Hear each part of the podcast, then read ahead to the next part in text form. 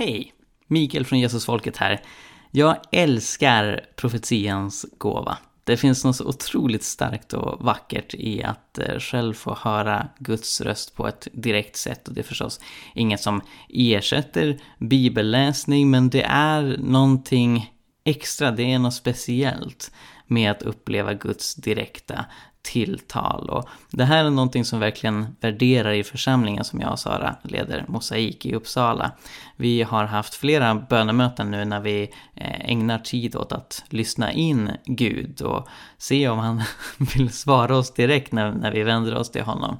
Eh, och på ett bönemöte för inte så länge sedan så hade vi en, en väldigt häftig upplevelse av hur vi bad för specifika personer en i taget, lyssnade in Guds röst över dem och sen när vi delade vad vi upplevde, bilder och ord och så vidare så var det vid flera tillfällen som tre eller fyra personer oberoende av varandra såg eller hörde ungefär samma sak och att det liksom bekräftades om och om igen över den här personen att det här är vad Gud vill säga dig.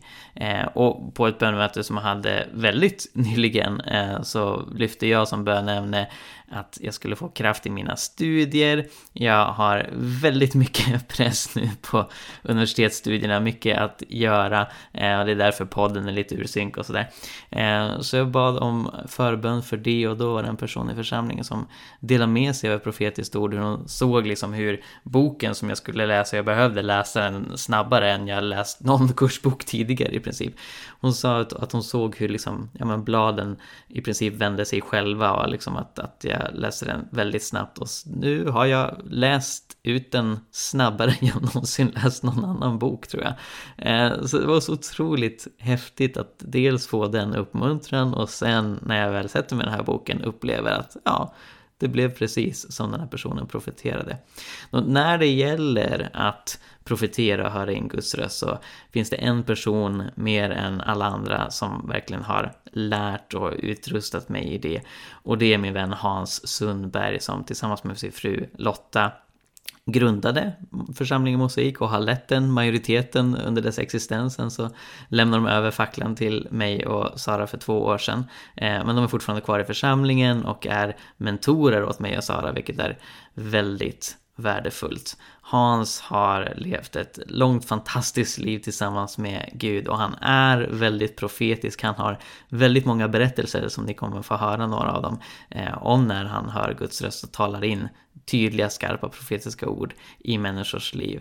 Eh, men sen så har han också kloka ord att ge till den som söker eh, andens gåvor, som vill växa i det profetiska, som kanske ser ner på sig själva för att de känner att okej, okay, Gud pratar inte till mig, vad är det för fel på mig? Jag tror verkligen att det samtal som ni kommer få höra nu eh, kommer vara uppbyggande och stärkande och uppmuntrande. Eh, och jag hoppas verkligen att, eh, ja, att ni, ni, som hör detta kommer känna en större frimodighet att söka Guds röst. För att eh, det, det är någonting fantastiskt att få uppleva. Eh, och jag tror verkligen, likt Hans, eh, utifrån det, det Petrus säger i Apostlagärningarna 2, Eh, att Gud vill att alla lärjungar ska uppleva detta på olika sätt och det kan se olika ut. Men, men hans vilja är att alla eh, hans söner och döttrar ska profetera. Så jag hoppas att eh, det här blir uppmuntrande för dig som lyssnar och säg till om du har fler frågor eller kommentarer och så vidare. Vår mejl är jesusfolket.gmail.com och vi kan ju också kontaktas på sociala medier. Men nu ska jag inte skjuta upp det här längre utan här kommer mitt samtal med Hans Sundberg om att höra Guds röst.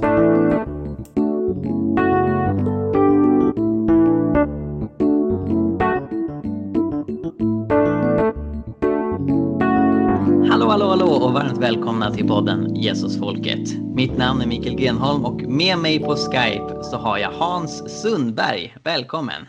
Tack så jättemycket! Hans, hur länge har vi känt varandra? Ja, jag, jag säger nio, tio år säger jag.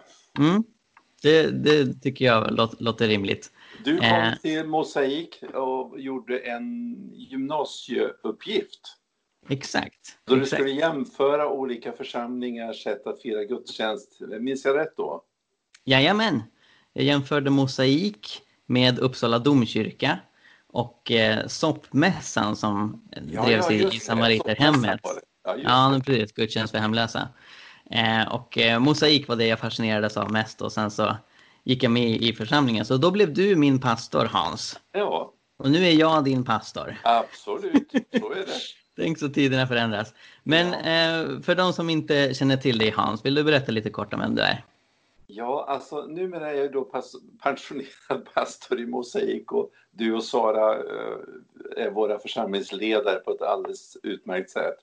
Eh, men det är ett spår. Jag har varit pastor i, i många, många år. Jag predikade för första gången för över ja, 50 år sedan faktiskt.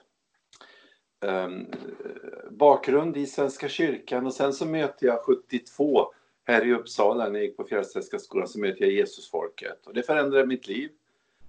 Jag fick ett personligt möte med den heliga ande och uh, ja, det förändrade mitt liv så jag eh, kände en kallelse från Gud att döpas och då, då så döptes jag som vuxen troende.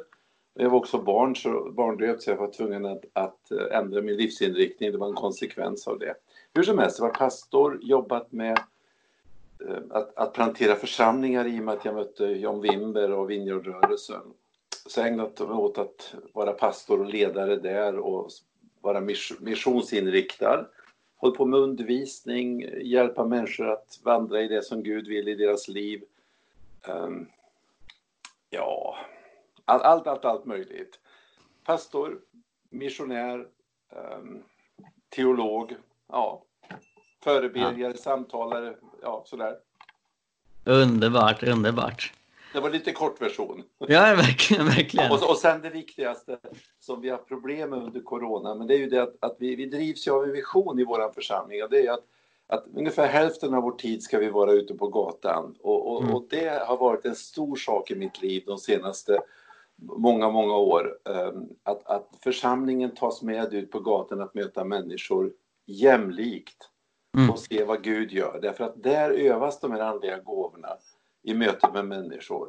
Vad är det Gud gör i en annan människas liv? Alltså det är ett sånt viktigt perspektiv att, att våga gå dit och ställa sig och se vad Gud har förberett. Oj, vad mycket mm. spännande vi varit med om. Och ibland ja. vardag, men oftast någonting fantastiskt. Ja, men verkligen, ja. verkligen.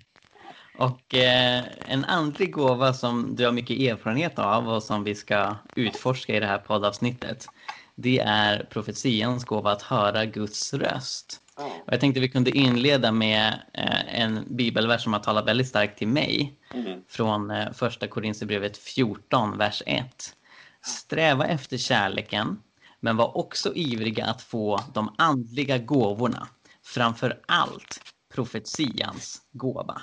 Ja. Nå, vad är profetians gåva enligt dig Hans? Ja, alltså om man fortsätter ner och jag hade samma text uppe. ja, men strålande. Ja, ja. Den som profeterar, han eller hon talar till människor, bygger upp, förmanar och tröstar. Den som profeterar bygger upp församlingen. Och så säger aposteln Paulus, jag vill att ni alla talar med tungan, men helst att ni profeterar. Eh, för församlingen, säger han i nästa rad, blir uppbyggd när man profeterar. Mm. Och det sker på gator och torg och det sker i församlingens sammankomster. Profetera är att höra någonting av Guds hjärta för människor, för församlingar, för samhällen. Eh, vad han har för planer, vad han har för tankar i en speciell detalj eller i det stora. Och det är bara att läsa Gamla Testamentet så ser man hur Gud talar i de större perspektiven, hur han leder historien. Men från Nya Testamentet så blir det kanske mer, mer och mer så att det handlar om hur människor och församlingar leds in ehm, i, i Guds plan fram, framåt. Och, och, ofta har det här karaktären av att, att människor får ett tilltal in vad Gud har i sitt hjärta för den personen som förändrar den människans liv. Så det är att tala till människor, bygga upp, uppmuntra, trösta och då och då förmana. Men allt ligger i samma ord i, i den grekiska texten. Mm. Du har ju som du nämnde bakgrund i Svenska kyrkan. Det var där du mötte Jesus första gången i din ja. ungdom. Ja. Och då fick du höra att eh, profetians gåva och andra mirakulösa nådegåvor inte längre ja, finns, eller hur? Jo, jag brukar berätta den historien. Ehm, alltså mitt första bibelstudiet om Andens nådegåvor tyckte jag ju var jättespännande för jag hade precis börjat läsa Bibeln själv eller något år eller så och kommit till Apostlagärningarna och så möter jag hur Gud mirakulöst och i under och tecken hjälper människor, hur han svarar på bön och hur han leder, hur han öppnar fängelsedörrar och alla möjliga spännande saker. Och så kommer jag på bibelstudiet och så sitter då den personen, då en präst i det här fallet som hade bibelstudiet och säger Ja, nu är det så här att i och med att Nya Testamentet bejakades av den kristna kyrkan som Guds ord, då behövs ingenting av de här övernaturliga fenomenen, utan det har upphört. För det som är fullkomligt, nämligen skriften, har kommit. Och jag sitter där och, och, och jag tänker så här att det här är ju för tråkigt, för det verkar ju så spännande. Men jag måste ju lita på den här personen som ju är utbildad för att göra det här och förklara. Men jag tänkte, vad tråkigt, för det här skulle jag vilja uppleva. Mm. Men hur var det då när du upplevde Guds tilltal första gången? Ja, wow. Ja, alltså dels kan man säga att det hände i samband med att jag fick mitt personliga möte med den heliga Ande. Men utifrån det, så, så, när det hände så förlöstes i mitt i någonting som prästen särskilt hade varnat för, nämligen tungotal och att tungotal är någonting som man ska akta sig för, för det kan verkligen leda fel. Och, och där och då när jag möter den helige ande så har jag en gudsupplevelse som, som förlöser. Jag bara, blir, bara upptäcker att jag talar i tungor. Och snabbt fick jag revidera mina tankar omkring nådegåvorna. Och det gjorde jag. Eh, så, så då, då var någonting förlöst och jag hörde ju i bakom de här orden som jag anar och förstod vad de handlade om, en tillbedjan av vem Jesus är att det fanns en, en gudsröst i det. Så sen, all, allt eftersom människor upplevde det så kom också ord till mig som handlade om vad Gud ville göra i människors liv. Så det, det var en ganska vanligt fenomen, det här är 1972-73, i den väckelse vi var då på Fjällstedtska, att människor hör Guds ande tala om vad han vill göra i andra människors liv. Så eh, så, så, så, då upptäckte jag att det här går till så att Gud talar i vår tanke, i vårt hjärta. Och i en förvissning. Det kan vara ett bibelord eller en bild, men det kan också vara ord som riktas till mig eller till andra om vad Gud har i sitt hjärta för den personen. Mm. Man bara vet det. Ja. Kan du ge några exempel på när eh, du har fått tilltal till människor och, och, fått information från Gud som du inte kunde veta på egen hand men som ja. stämmer in korrekt på deras situation?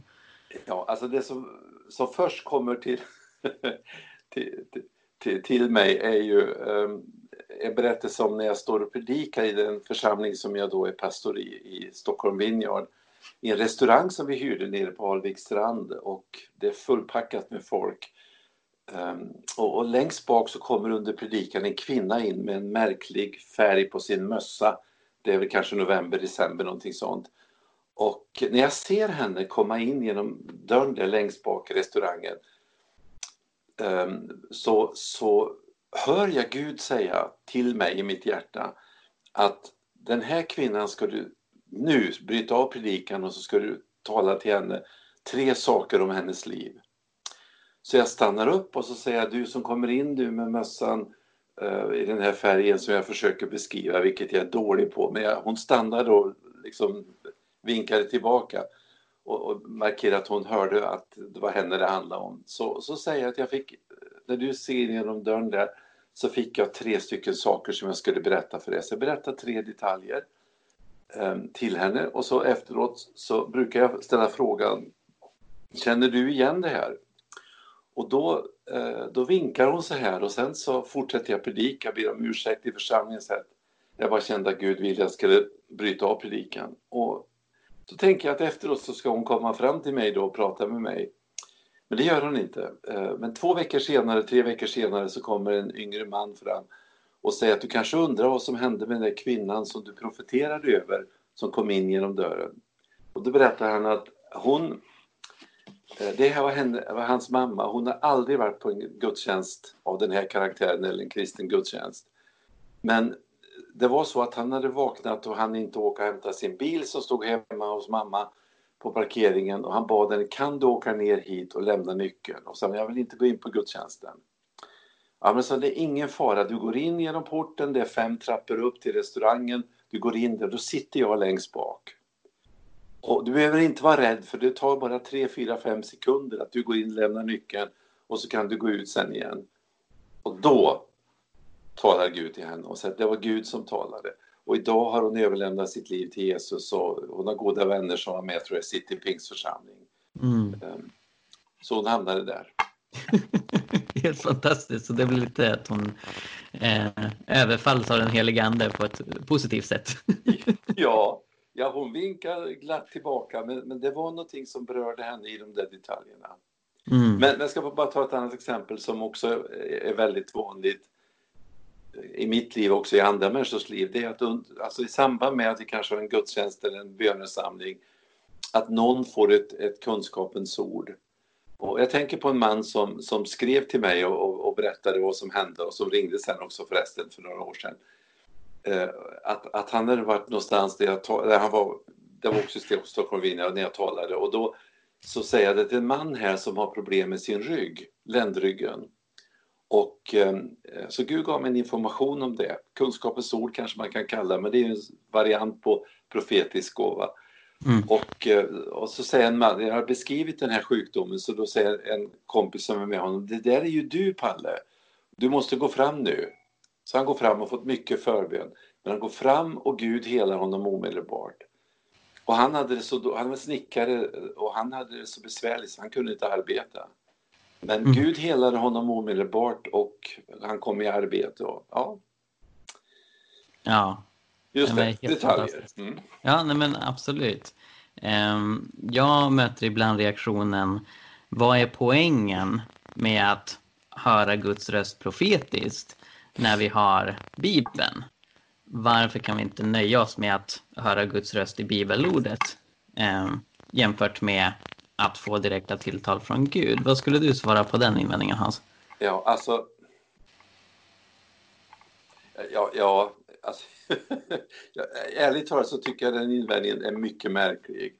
Jag, jag anar att den bottnar i att man vill veta att, alltså typ, Bibeln är Guds ord, den kan du till 100% lita på. Du kan inte lita på det människor säger lika mycket. Alltså profetian behöver prövas, vilket ju är självklart.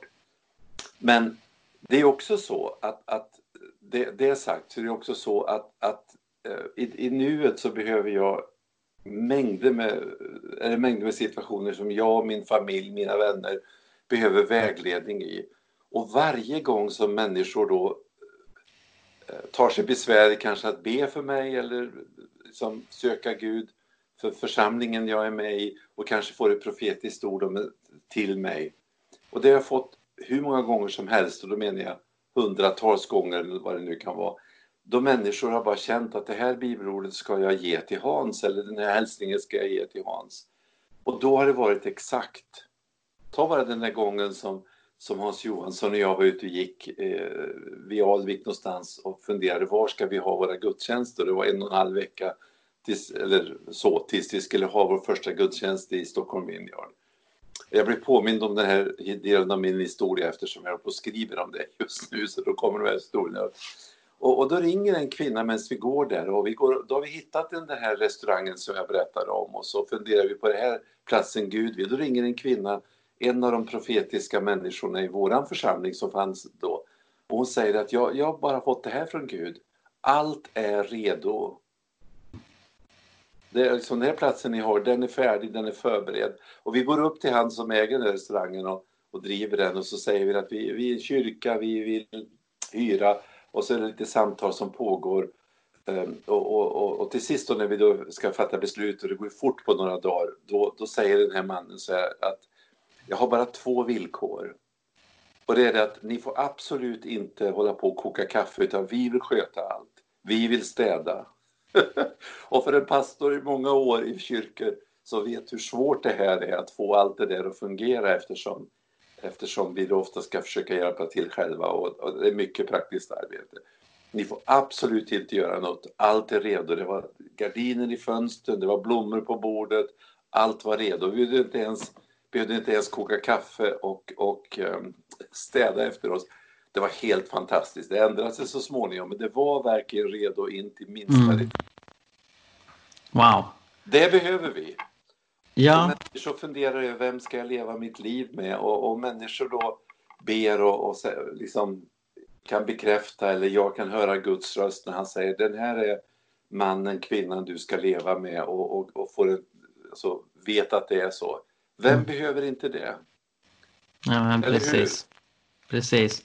Och jag tycker också att, att eh, Jack Deere svarar bra på den här invändningen. Han har skrivit böckerna Surprised by the Power of the Spirit Mm, och Surprised by the Voice of God. Och eh, Surprised by the Voice of God är en av mina absoluta favoritböcker.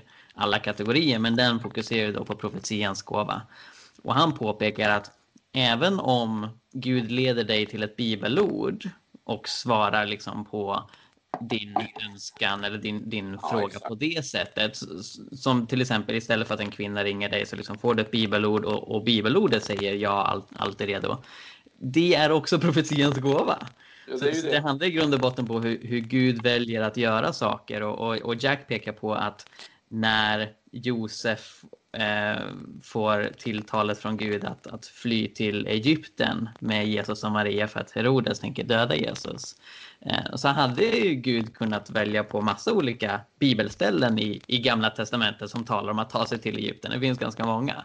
Men han sänder en ängel som säger det rätt och slätt. Åk till Egypten. Så det Ja, handlar men- liksom om, om Guds frihet. Och det är inte att, att urgröpa Bibelns auktoritet, för vi bekänner ju Bibelns auktoritet förstås. Mm. Utan det handlar om att Gud är fri att tala direkt till människor likväl som han vill att vi ska fördjupa oss i bibelordet. Så de behöver inte stå emot varandra. Ja, det, där, det där är jätteviktigt. Och, och, och när man läser Bibeln på, på det andra sättet, alltså att, att det är farligt och allting som finns utanför. Um, alltså man, kan, man måste tänka sig, har Gud tänkt att vi ska leva så? Eller har Gud tänkt att vi ska leva så att Bibeln är, är, är, är liksom måttstocken på något sätt som vi prövar då det som sägs? Um, alltså stämmer det med Guds ord?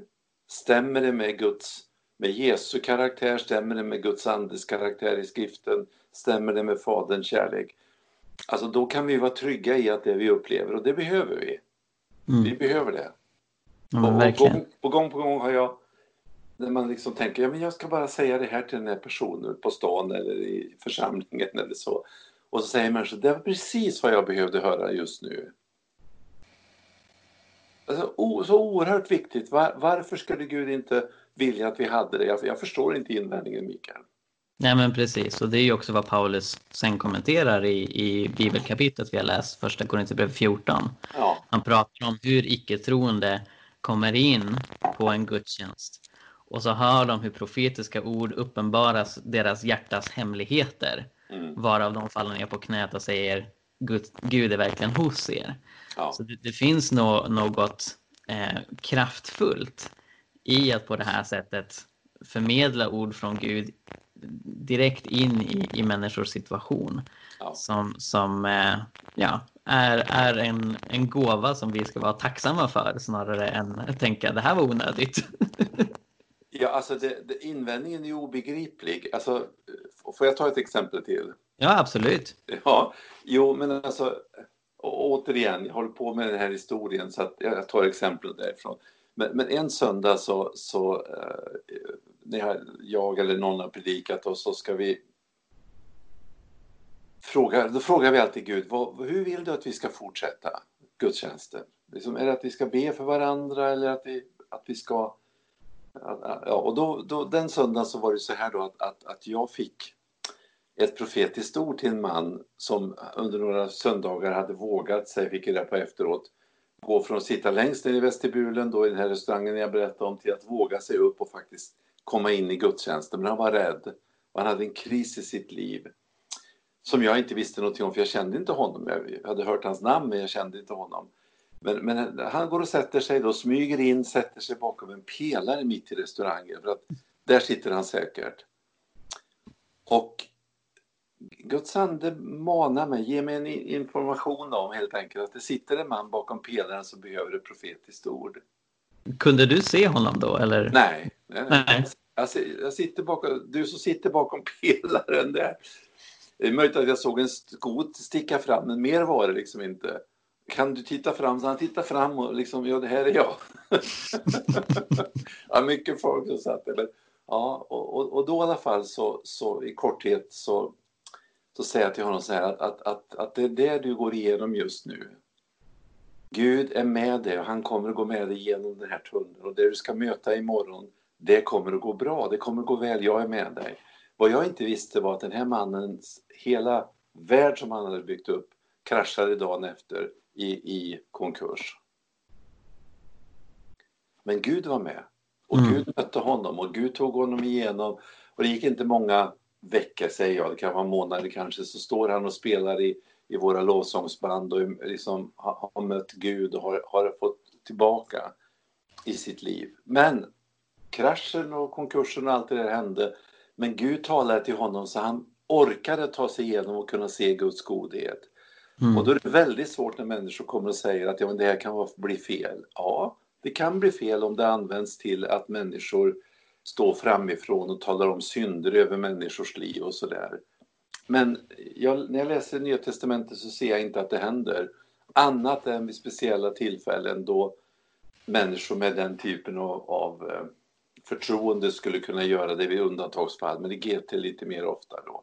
Men, men jag tror inte det är tänkt så för de församlingar som vi finns i. Utan där, där prövar man det i ledarskap och för samtal och, och sådär.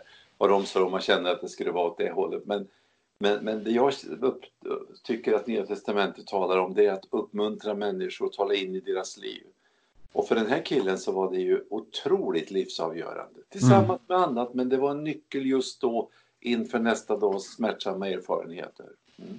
Ja men verkligen, och, och, vi kommer komma tillbaka till just eh, av profetians gåva och hur, hur man prövar det och sådär. Men jag tänker att vi allra först kan gå in på lite mer praktiskt vad det är som händer när vi har hört ja. Guds röst. Jag, jag, kan tänka mig att de lyssnare som är ovana vid det här undrar vad är det egentligen som pågår Hans? När du till exempel liksom får, får eh, ta emot eh, de här orden om, om de olika människor som du har nämnt.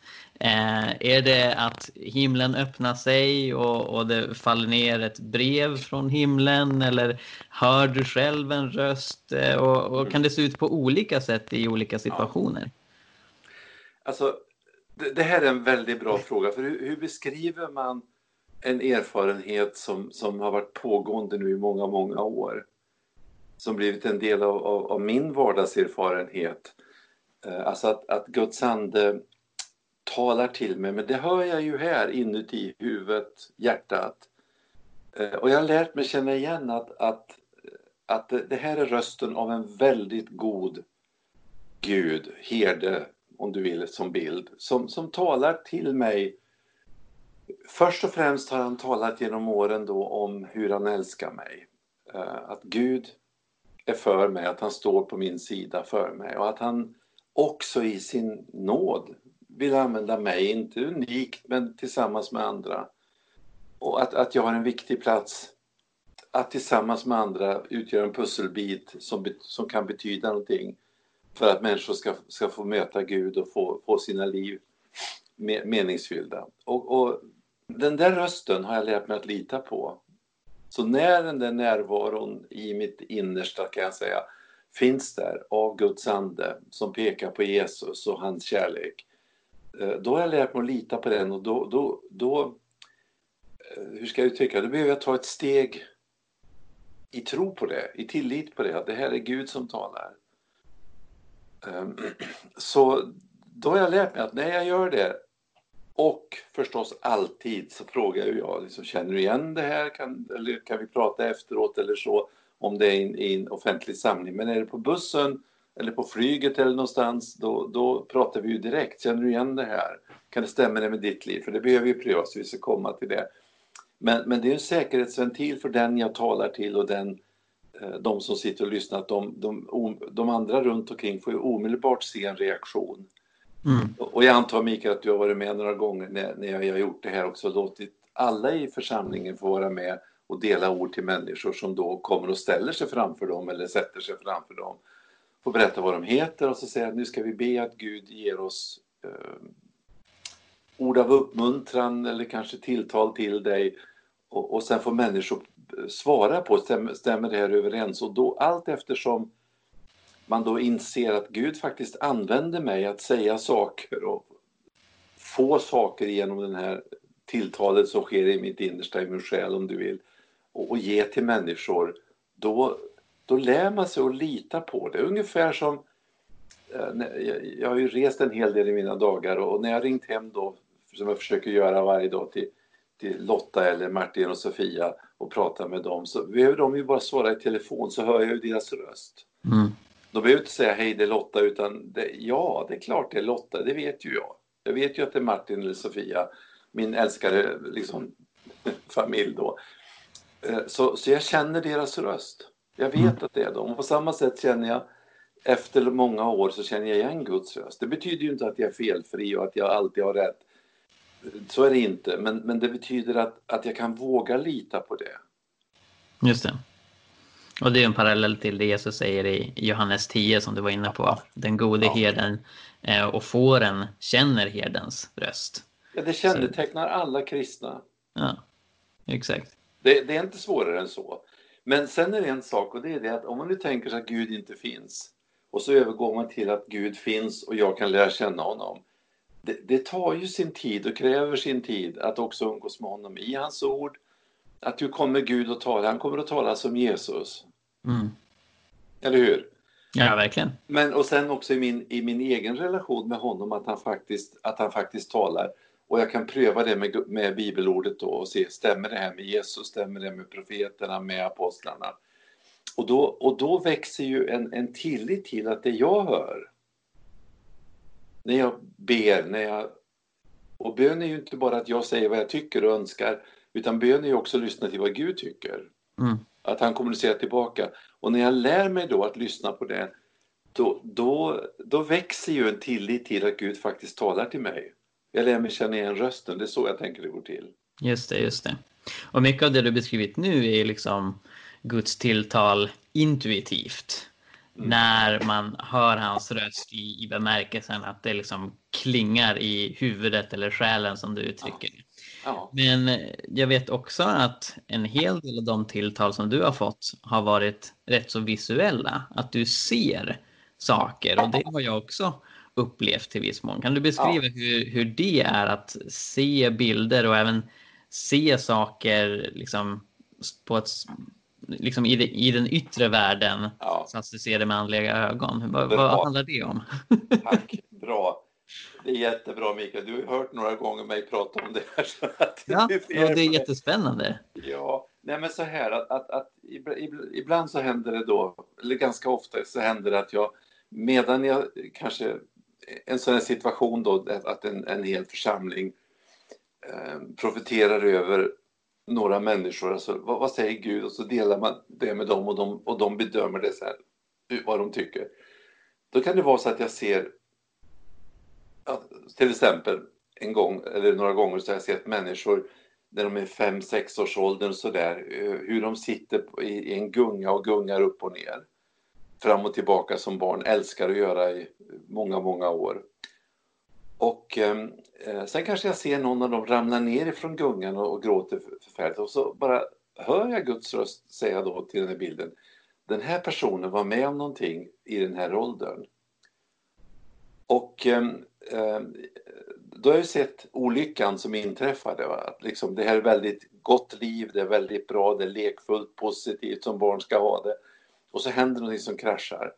Och så har jag bara fått den här insikten, eh, eller tanken eller orden då att, att ja, det är någon i eh, förtroendeställning, typ mamma, pappa eller så, som, som har gjort någonting, sagt någonting.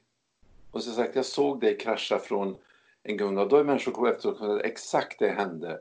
Och sen så hände det här i min relation med min pappa eller min mamma eller pastor eller lärare eller vad det kan vara och det gjorde så ont och så är det en människa som är bunden. Eller en, en annan person som jag ser då hur, hur ja, hur jag sett då liksom att, att kanske inte väldigt allvarliga övergrepp, men övergrepp har skett, mobbing eller någonting sånt där. Mm. Och, och då har jag sett den situationen med mina ögon. Eller jag ser hur en människa är i ett rum och behöver öppna en dörr för att gå in i ett annat rum. Det är en bild som ganska ofta kommer till mig. Och det ser jag över människor. Eh, vad som har hänt då. Och eh, eh jag, jag, ser det här. Om man kan nu, säga så. Nu, pe nu, pekar du på hjärtat. hjärtat. Ja, precis. Ja. Därför det här handlar om, om Guds hjärta. Att Gud säger att det här, har, det här har låst dig. Den här upplevelsen har låst dig. Och du behöver bli fri. Så då ser jag situationen, bara axplock sådär. Och, och det är, jag tänker att det är Guds andes terapi på något sätt som hela människor genom att gå in i en knut som behöver lösas. Kanske inte alla, alla knutar i ens liv behöver göra, men, men vissa människor blir ju då, om det är tillräckligt smärtsamt, låsta utifrån en sån erfarenhet och Gud vill hela dem. Och det är därför profetians gåva finns bland annat för att hjälpa till att lösa upp sådana saker. Sen så, en gång eh, när jag stod och predikade så ser jag en kvinna i, i kyrkan då, den, i den kyrkan där jag var då. Och jag ser henne och, och jag känner ju till då, för jag är ju, jag är ju pastor i den kyrkan. Då ser jag den här kvinnan stå med Bibeln öppen och stå och tala inför församlingen. Så jag, jag går ner till henne och säger att jag, jag, jag hade, fick en, upp, en uppenbarelse helt enkelt. Jag såg någonting. Jag såg dig stå, läsa Bibeln och så ser jag dig liksom röra håret och bakåt och du står och talar och, och liksom undervisar och talar till, till kyrkan. Och jag sa, är det här i ditt hjärta? Liksom? Jag, som, ja, och det är det ju då. Och jag vill att du ska göra det. Så ganska snabbt så var hon då inne, inne i, i att förkunna, för Gud visade mig att hon skulle vara en av förkunnarna i församlingen. Mm. Och, ja, rest, the rest is history. Så, att, så att det är viktigt att våga lyssna på de där sakerna man ser. Mm. Ja men verkligen. Och jag tycker det är häftigt att se att det, det, finns en stor variationsrikedom i hur Gud kommunicerar med oss. I och med att vi är olika som människor och, och vi liksom uppfattar inte bara Gud utan allt möjligt i världen på, på olika sätt. Olika kommunikationsformer är starkare hos olika människor.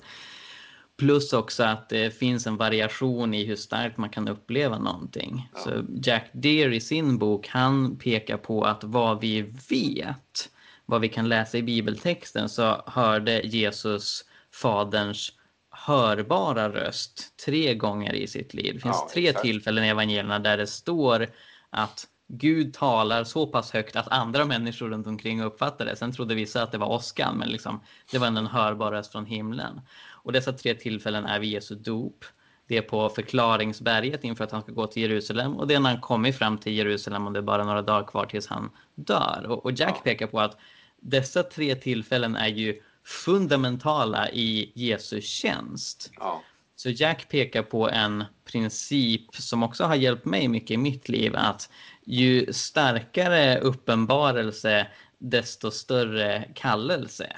Ja. Och att vi inte ska känna oss besvikna om vi tycker att det, är för vagt eller det är för lite av, av Guds tilltal. För liksom, när det riktigt stora tilltalet kommer, det, det är liksom supertydliga, ja, då, då är det många uppoffringar som ligger framför. Ja. Eh, och det är förstås något som vi ska eh, be för. Vi ska vara villiga att, att uppoffra för Jesus, men vi ska också vara beredda på det. Att eh, eh, när Gud talar väldigt starkt och tydligt, då är det ofta för att uppdraget framför är, är ganska svårt. Ja, det där är jätteviktigt. Och, och jag möter ibland människor som säger att jag skulle, jag skulle behöva en bekräftelse till för att jag ska våga tro att Gud vill det här. Ehm, och, då försöker jag säga precis det där som du sa nu, alltså att, att, att du måste förstå det att, att, när den typen av bekräftelse kommer så att du först allting är färdigt, då, då behövs inte tro längre. Utan tro är, att, tro är att lita på att det Gud har sagt det håller och sen kommer han att tala allt eftersom han bedömer att jag behöver det. Just det. Precis, han, han är den bästa bedömaren när det gäller vad vi behöver Måste vi lita på att, att om vi lägger liksom profetiska ord eller uppenbarelse eller vad det kan vara på en hylla, liksom att det här, det här är medaljer jag har och sen så småningom så ska jag våga gå i tro. Eh, Bibeln beskriver att tro på Gud, det är också risktagande att lita på vad Gud har sagt. Mm. Ja, men exakt, exakt. Ja, nu tänker jag vi kommer till det här med att pröva tilltal. Ja. Eh, och eh, både du och jag känner till många tillfällen när profetians gåva har missbrukats. När man har sagt så säger Herren, fast det egentligen inte alls var Herren. Och det är något som Bibeln varnar för flertal gånger. Eh, och Bibeln presenterar riktlinjer för hur tilltal ska prövas. Jag tänker att vi kan eh, läsa lite kort från första Thessalonikerbrevet 5 mm. där Paulus uttrycker det som följer. Han skriver släck inte anden, förakta inte profetier, men pröva allt, behåll det goda och håll er borta från allt slags ont. Ja. Hur skulle du säga Hans att det här ser ut i praktiken? Alltså, jag tror att förutsättningen för att, att, kunna, att, att kunna ta emot profetiskt tal under en lång tid är att man prövar allt och, och, och tar ansvar för prövandet. Och, och det, det, låter ju väldigt enkelt, men, men det här handlar kanske om i, i en församlingssituation om väldigt goda vänner, om sånt man önskar. Ehm, jag har varit med i situationer då, då människor som hade förtroendet i en, i en kyrka, Ehm, och det är ingen kyrka som jag har varit pastor i, men, men som jag besökte då, och, ehm, och, och hur en väldigt svårt sjuk, älskad ledare i den församlingen bärs in till en gudstjänst. Svårt sjuk i cancer och så är det en av, av de profetiska personerna i den församlingen som då profeterar. Det alla önskar när vi ber för honom att Gud ska hela honom från hans cancer. Och det är att han ska bli frisk. Och en person då profeterar det, att, att Gud kommer att hela dig. Och det var ju sant så tillvida att när han så småningom då dör efter ett tag, eh, så när han möter Jesus nu på andra sidan döden, då är han hel. Så, så tillvida var det ju inte falsk profetia. Men det, det, vi alla trodde som var i kyrkan, tror jag, det var ju att, att nu kommer han att helas här. Mm. Och, och, och liksom känslan av befrielse och wow, det här är fantastiskt. Men, men då, då hade det behövts att någon vågade ställa sig upp och säga det att nej, det här är vad vi önskar, men, men det här vet vi inte. Mm. Alltså att någon hade prövat det, men det skedde nog inte riktigt. Så det var liksom inte att måla ut den situationen, utan bara det är viktigt, därför att vad som händer om man inte tar tag i en sån situation. Um, och det, man kan ju också pröva att säga att ja, men det här är Gud och, och, och då kommer det visa sig genom att det kommer att hända. Men när man inte prövar, då, då, blir det så att man är beredd för det profetiska. Att mm. utlova mer än vad man hade än vad man hade auktoritet eller, eller tillstånd till att, att, att lova. Och det, det är jättefarligt. Då blir det ett förakt i slutändan. Mm. Att, att vi liksom inte, inte kan, eller att människor får profetier om, om saker som man inte ska profetera, vem man ska gifta sig med eller vad det nu kan vara för någonting. Och det, och det kan bli jätte, jätte, skada verkligen tilltron till att Gud talar. Mm. Ja, men precis. Eh, en annan bok som jag tycker är hjälpsam när det gäller profetiska ja. är Mike Bickles Growing in the Prophetic. Ja, mycket bra. Och där så pekar han på eh, hur en uppenbarelse kan vara genuint från Gud. Men uppenbarelser filtreras alltid eh, genom mänskliga tolkningar. Och det är precis som när vi läser Bibeln. Alltså Bibeln är Guds ord. Men min tolkning är inte nödvändigtvis Guds ord. Jag måste gå liksom via översättningar och via hur språk förändras och sådär.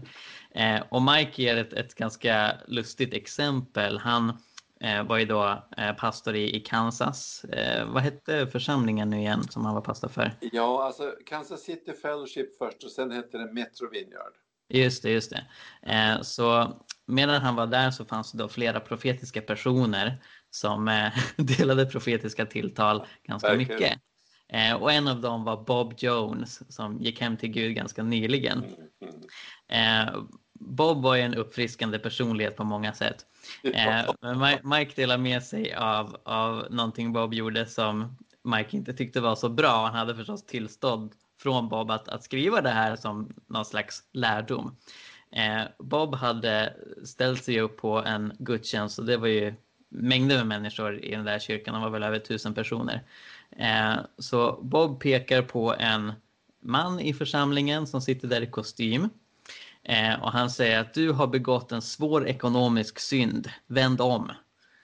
Eh, och Mike kände att hmm, det där kanske inte skulle ha delats inför tusen personer. Det hade nog varit bättre att dela privat. Vad värre var, eh, var att den här mannen snart drabbades av konkurs, likt mannen som du berättade om ja. i, i, Stockholm. Eh, och eh, ja, förlorade väldigt mycket och, och, och mådde väldigt dåligt som resultat av det där. För att göra en lång historia kort, Mike gick till Bob och frågade vad var det du såg över den här mannen? Och Bob sa att han hade begått en ekonomisk synd. Eh, och Mike frågade, men vad var det du såg? Exakt, ja. Bob sa, jag, jag såg ett svart moln, ett riktigt åskmoln med små dollarsedlar ja. i sig. Ja. Rakt över den här mannen. Så jag förstod, aha, han har begått en ekonomisk synd. Aha, och så sa Mike, men tror du inte att det, det var Gud som ville ge den här mannen en varning för att han höll på att gå i konkurs? Jo. Ja, så kan man tolka det, sa Bob. Wow. Så, så, och, och, och, det är viktigt att vara medveten om både när man delar eh, profetiska budskap och när man tar emot. Att eh, ja, det, det, finns alltid en tolkningsprocess här och det är därför det är viktigt att vara ödmjuk när man delar. Jag upplever att Gud säger det här men också att man försöker hålla sig till vad man exakt såg, vad man hörde. Sen kan man gå vidare och säga och så här tolkar jag det. Men att man gör en skillnad där och inte hoppar direkt i att min tolkning av det här det är exakt vad Gud vill säga. Wow, det där, det där är jätteviktigt. Oj, oj, oj. Och, och, och våran praxis, Mikael, eh, menar, bara våra tio år och sen alla år när jag undervisat om det här så säger jag så här, säg inte så, säger Herren. För du ställer under en dom som du, ja, alltså bör fundera över. Men, men ännu viktigare, det, att du säger jag upplever att då inbjuder du den personen eller de personerna som berörs, de som lyssnar, de personer som berörs till det som är nödvändigt, nämligen att den personen um, har att bedöma, är det här ett ord som kommer ifrån Guds ande? Eller en, en önskan eller någonting människor ser och, och, och sen att, att, den som delar profetiska ord inte ger sig på att tolka det man ser. Det, det exemplet är ju briljant på det sättet. Mm. Men tragiskt att den här mannen fick uppleva det. Usch. Men, men jag, jag, jag, jag, har träffat Mike några gånger och jag tänker att Mike gjorde väl nog så, då skulle jag gissa. Jag kommer inte ihåg den här berättelsen, exakt vad som hände sen. Men när du berättade den kommer jag ihåg det. Men alltså att, att han, han gjorde förmodligen så som man ska göra, att han gick upp och sa det här. Mm. Så, att, så att det händer. Mm. Och det har ju hänt att människor också gör så här i Sverige då, att de pekar ut människor och delar om, om synd i deras liv. Och ja, nej, man ska, man ska göra det privat om man nu har något sånt att säga. Så att, så att det finns ett säkerhetsnät att man inte gör människor illa offentligt, det har man inte rätt till. Nej men precis, precis. Och det är också viktigt att komma ihåg när vi läser Bibeln. Att ja, det finns tillfällen när liksom Jesus står på berget och, och predikar för mängder med människor, när, när Petrus står i Jerusalem och predikar för Exakt. mängder med människor. Men den absoluta majoriteten av det som sägs och praktiseras i Nya Testamentet. Det är små grupperingar, det är små husförsamlingar, det är täta gemenskaper där man känner varandra, där man har förtroende för varandra. Exakt. Och, och, och det är i sådana sammanhang när, vad ska man säga, mer allvarliga, dramatiska profetier mår bättre. Medan när det handlar om, om mer offentliga till kunna göra den av, av profetiska tilltal. Ja, eh, det, är, i mm. synnerhet då som då Paulus princip av att uppmuntra och uppbygga, som han säger där i första Korinthierbrevet 14, gäller. Mm. Ja, det, är, det här är så viktigt. Vi skulle ha börjat med det kanske. jo, men alltså, att, att, att det verkligen sägs gång på gång på gång att man har ett oerhört ansvar. För, för vad vi vill är ju att människor ska våga lyssna till Gud, våga dela och vara frimodiga i det. Men, men säkerhets, eh, säkerhetssystemet behöver vara där. Alltså använd inte för starka ord, säg inte så säger Herren, utan säg att jag, tänk, jag upplever att Gud säger det här och jag vill dela det med dig och du, du behöver pröva det. Att man på något sätt alltid får med det i sin vokabulär och sitt sätt att uttrycka sig så att människor förstår att prövning är ingenting fel. Det är en normal kristen biblisk, alltså baserad på, på Bibeln, vad som ska göras. Och det är inte bara i första Thessalonikerbrevet 5 som, som det står om pröv utan också det kapitel vi läste, kapitel 14 i första Korinthierbrevet så står det att, att, att man kan profetera men de andra står det ska pröva. Då, mm. De som håller på med kommentarer, lite fundering. Är det då profetiska människor som ska pröva det i församlingen? Men att det ska prövas, det är uppenbart. Mm. Alltså att Paulus säger då vid flera tillfällen, pröva det här så, så att det finns en trygghet. Mm. Och en fortsättning efteråt om det nu inte skulle vara rätt. Mm. Ja, verkligen. Hans, har du något eh, avslutande du skulle säga för den som är nyfiken på det profetiska eller vill växa i det profetiska? Ja, det har jag. ja, det måste jag ju ha. Och det, ja, det är mycket förstås, det är därför jag skrattar till lite grann för att tänka efter vad som är viktigast. Det viktigaste är lita på att Gud är god och det han vill kommunicera till människor, till dig och till andra människor, det är hans godhet och hans kärlek och hur han känner dig och andra vid namn. Hans personliga omsorg. Tänk efter, om Jesus stod här och han skulle tala till människor, vad skulle, vad skulle kommuniceras till dem? Alltså Jesu atmosfär, Jesu attityd, Jesu upprättelse. Han kommer för att frälsa och hela. Det måste kommuniceras. Hans omsorg. Och, och, det tror jag är det viktigaste att man, att man söker. Och sen att våga lita på att den attityden, alltså mitt mjuka hjärta berört av Guds kärlek då, som mjukat upp det, att det behöver kommuniceras. Att du tänker på det när det gäller att kommunicera till andra och ta emot till dig själv. Alltså att älska Gud, älska dig själv, älska andra människor. Det är grunden till att kunna tala till människor. Amen. Jättefint. Tack så mycket Hans för att du tog dig tid till detta. Självklart. Tack så mycket själv för att jag fick vara med.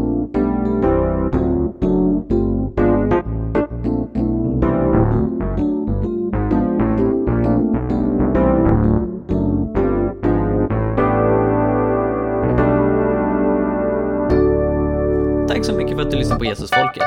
Om du vill höra mer, så se till att prenumerera på iTunes, Spotify eller valfri podcastapp. Du kan också lämna en recension, vilket är en eh, liten grej att göra som hjälper oss väldigt, väldigt mycket, så det uppskattar vi verkligen. Ehm, du kan också läsa vår blogg, Hela Pingsten. Vi har mängder med artiklar där om andens gåvor, evangelisation, fred, rättvisa och allt möjligt annat som har med lärjungaskap att göra, så kolla in det. Och vi finns på sociala medier, du kan följa både Jesusfolket och hela pingsten på till exempel Facebook. Tack så mycket, Gud välsigne dig och eh, fortsätt vara en del av Jesusfolket.